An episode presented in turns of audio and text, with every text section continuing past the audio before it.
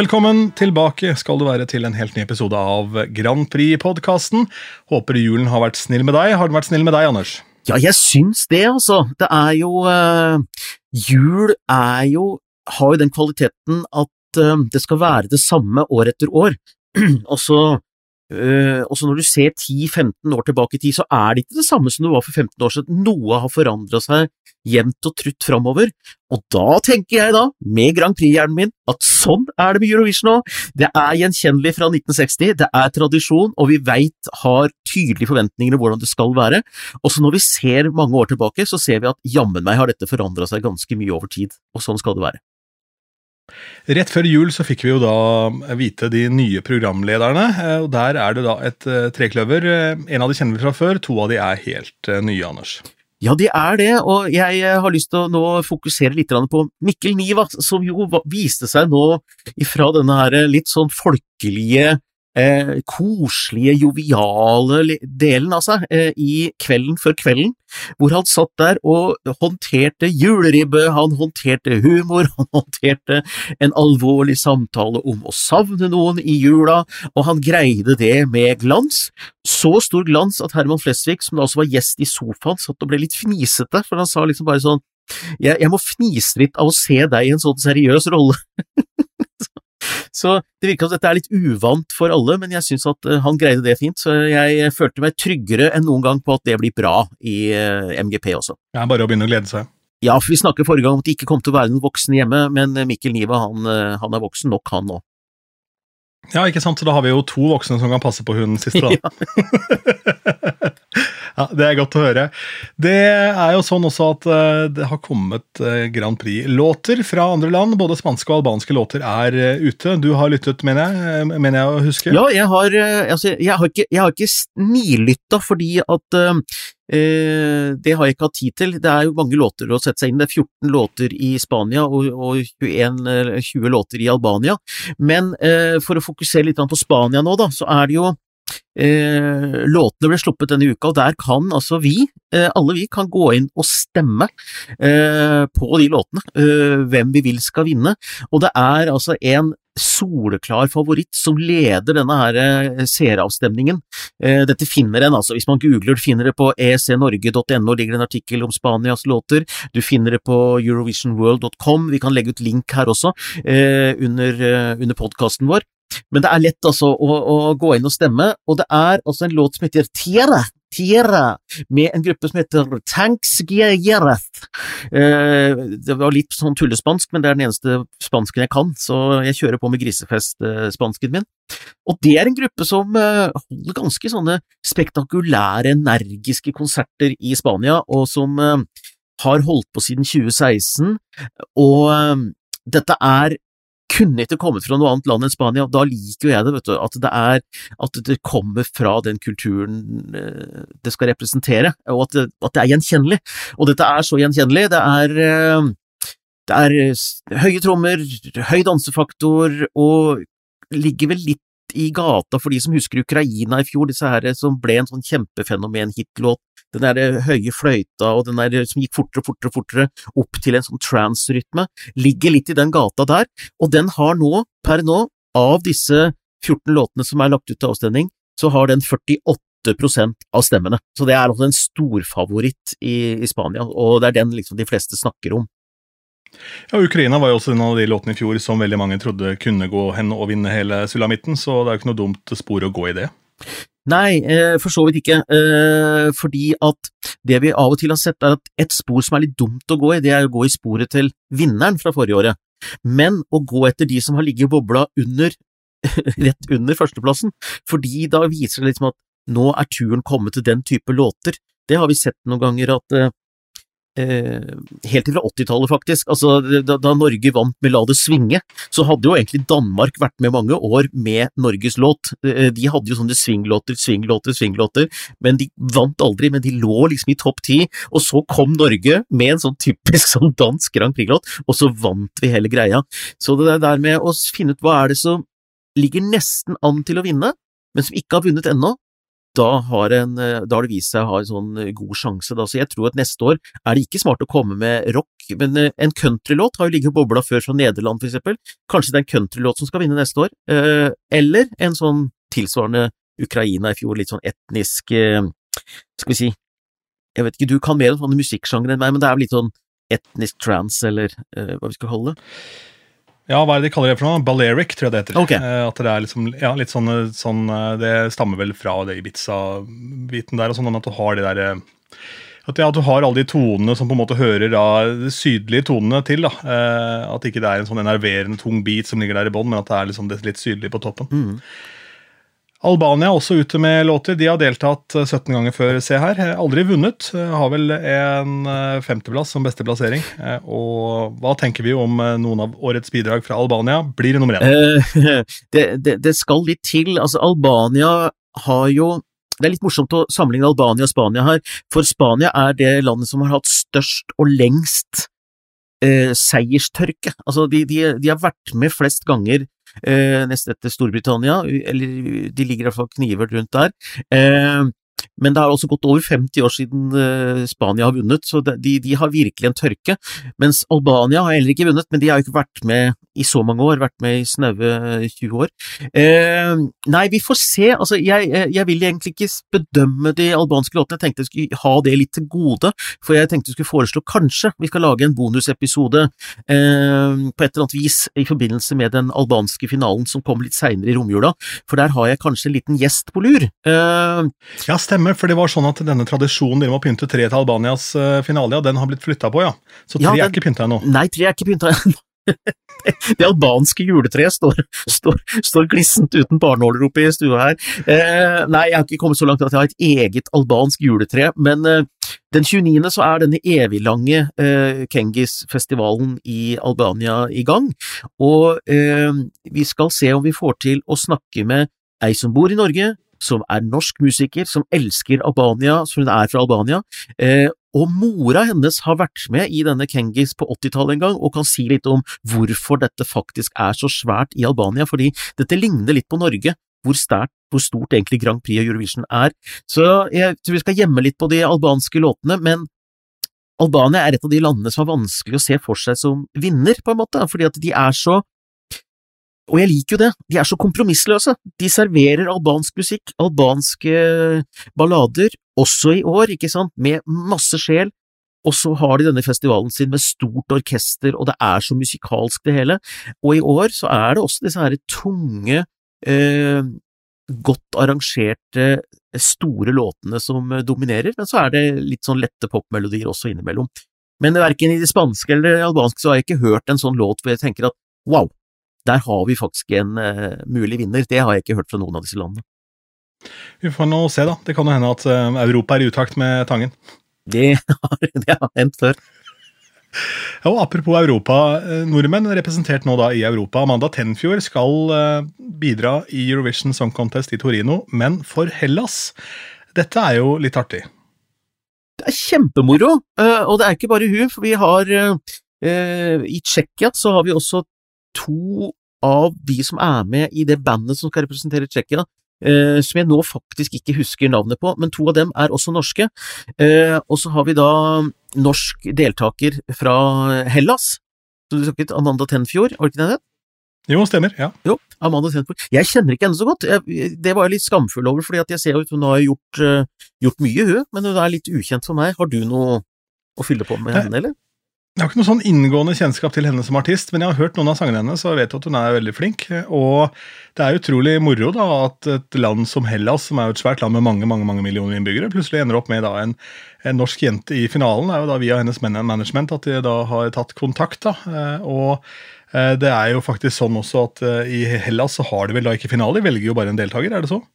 Det, det, varierer litt. De, i, i, forbindelse med at det var uh, veldig store finansproblemer her for noen år siden, så valgte de å kjøre sånne uh, finaler da i uh, et kjøpesenter. og da er det bedre å la være, altså. De, de, de sto liksom inne på et kjøpesenter der med, med, parfymeflasker som dekor, holdt jeg på å si, og da var det ikke de satt opp for moro, for dekorens skyld, men de sto bokstavelig talt inne i et kjøpesenter, i et sånt glasshus, glassstudio, og arrangerte finalen.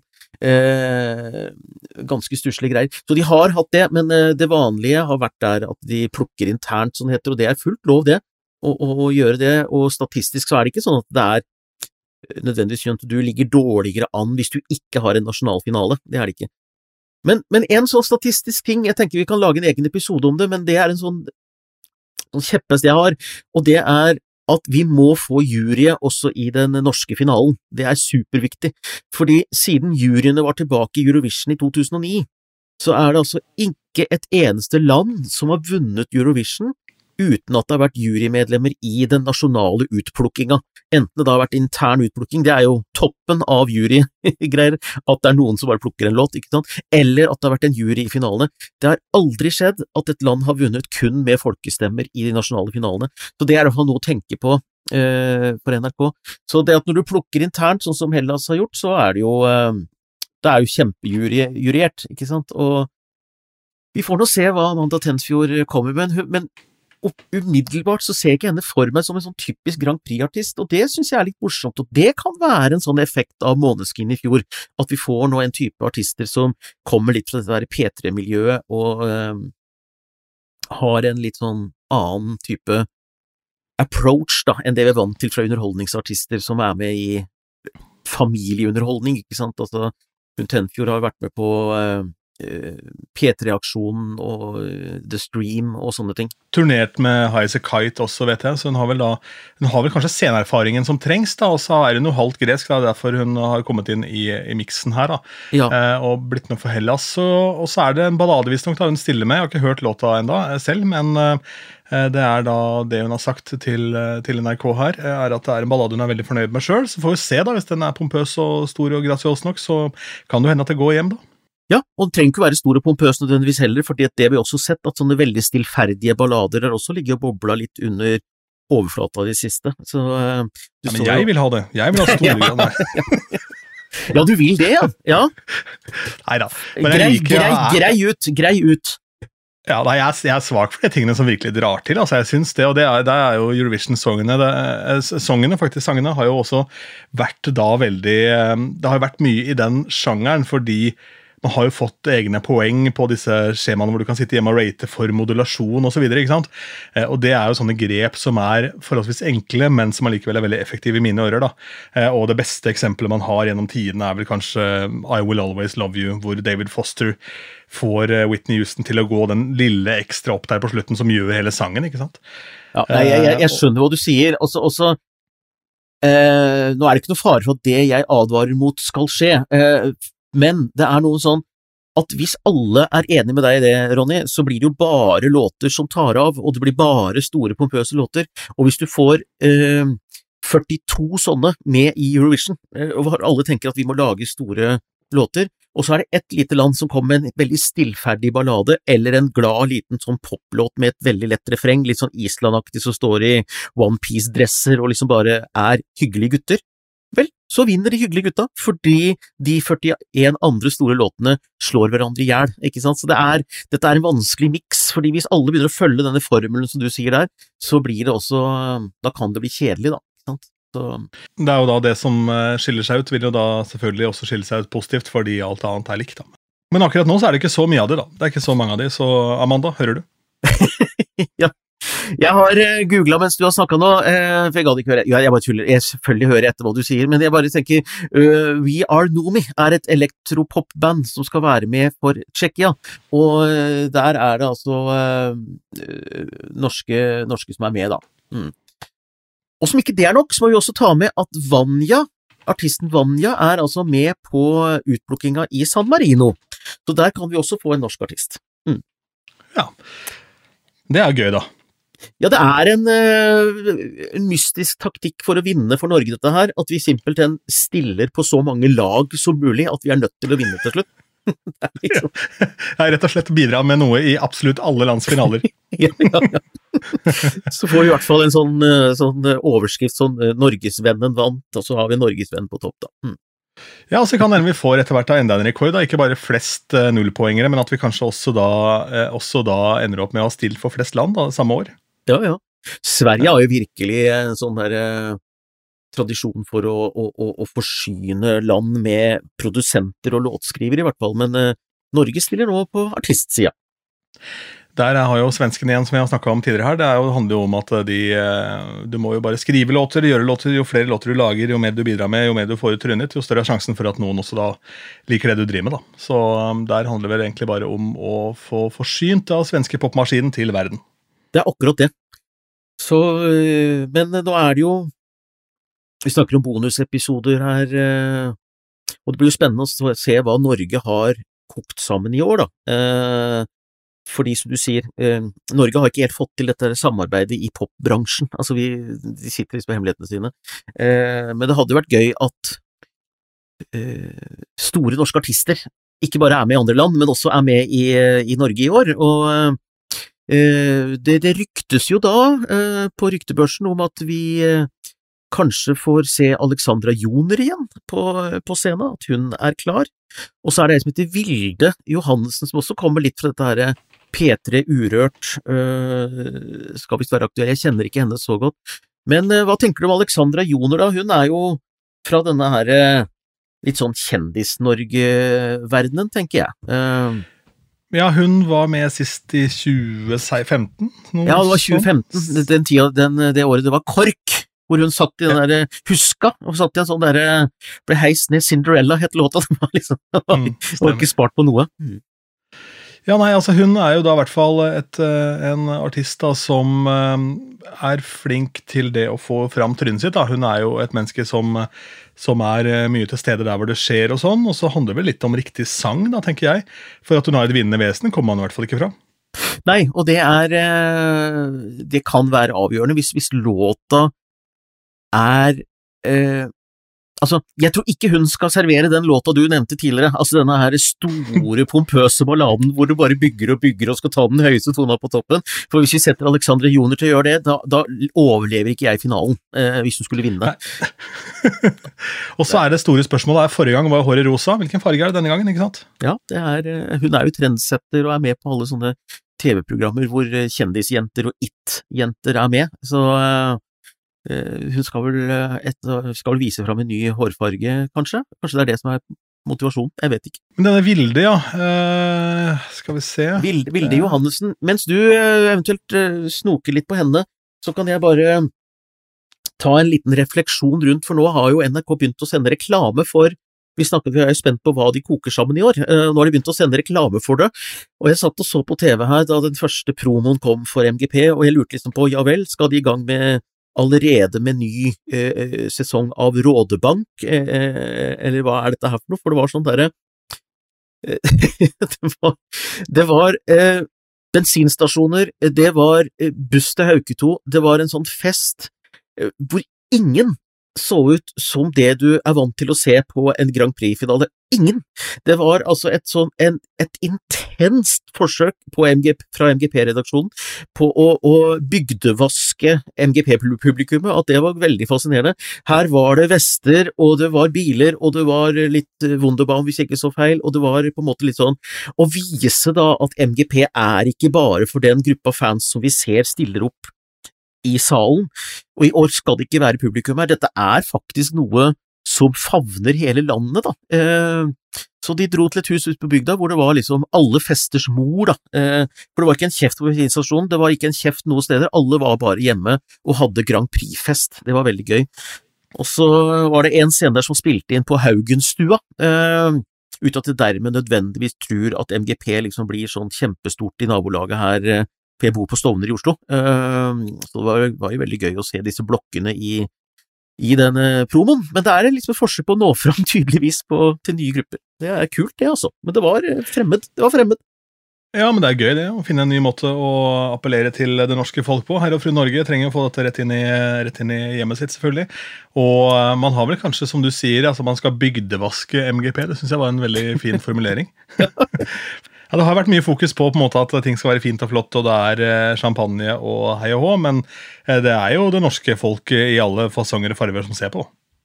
Absolutt, og, eh, og, de fleste ser jo dette fra TV-skjermen, med ulike typer briller. Noen ser på det både med ironiske briller, noen ser på det med partybriller med glitter, noen ser på det med lupe, og noen ser på det med svart sorte, mørke solbriller, så de egentlig ikke får med seg noe som helst, men de er sure for sikkerhets skyld. Så her er det alle typer briller, og alle brillene er, tilhører denne familien. de, ser, de ser på det for å vite hva de er sure på. Ja, ja, ja. Kjør på! Det er helt greit. Skal i hvert fall ikke tape den diskusjonen basert på fakta. nei, nei, nei, nei, nei. Eh, kjapt om Vilde. da, Hun har gått på LIPA, eh, Paul McCartney-skolen i Liverpool, eh, og har da vært på låtskrivercamper i både inn- og utland. Skriver ESC Norge her. Eh, og bidratt under Norway Cup. The Stream har hun vært med på, og hun eh, ble kåret til månedens Urørt eh, i P3. og det var i februar i år, og det pleier å være et godt utgangspunkt, for da igjen så er det jo landet som har stemt, da, og bestemt at hun er månedens urørt. Så det blir eh, spennende å se hva hun har å stille opp med da. Men uh, Hun er jo ikke bekrefta ennå, men uh, vi Nei, har noe troa. Vi har, vi har troa på det. Og så ja, da, da veit vi veit jo ikke. Men det var jo morsomt også å se eh, Et av de mer sikre tipsene var jo Northkid, som vi snakket om, med Bilal Saab eh, som frontfigur. Og jaggu var ikke annen da programleder for eh, Norge Rundt sist eh, fredag. Eh, nei, Lørdag var vel det. Da sto Bilal fram som lørdagsunderholder eh, med en slags spesialutgave av Norge Rundt fra hjemplassen sin, og dette har vi sett NRK gjøre før, at hvis det er liksom noe de trenger å minne oss på før MGP, så vasker de dem inn i bevisstheten. Vi, vi, ser, liksom, vi ser dem opptre litt i programmer inn mot finalen, sånn at vi skal bli vant til ansiktet deres igjen, og nå fikk vi altså et langt møte med Bilal, så det eh, jeg, jeg, mener det styrka eh, mitt, mitt rykte om at han er med i MGP. Det er bare å eh, stålsette seg og vente da på avsløringa. Når var den dukka opp igjen? Nei, den eh, vi må jo ha en bonusepisode, eh, eller kanskje vi kan ta det tirsdagen etter, men det er mandag 10. januar slippes samtlige 21 låter samtidig, så vi er på lufta faktisk på morgenen etter med podkast, så da kan vi få gått gjennom låtene. Ja, jeg tenker vi har noe å gjøre den natta, ja. altså få tatt en liten runde gjennom det. Ja. Det vi også kan gjøre, men da må jeg være hemmelighetsfull, det er at NRK pleier å invitere noen av oss til en forhåndslytt noen dager før lanseringen. Så da vil jeg ha hørt låtene noen dager før, så da kan vi ta en prat om mitt generelle inntrykk og hva slags låter vi kan forvente oss uten å røpe artister eller enkeltlåter. Ja, Dette skal vi finne ut av. Før den tid så skal vi gjennom et par andre episoder her, og du skal jakte på folk fra Albania. Det skal jeg gjøre så får vi se hvordan det går. Bare å følge med og se hva som dukker opp. Om ikke annet så er vi tilbake om en uke. Ronny Anders sier tusen takk for følget. Du har hørt eh, Grand Prix-podkasten.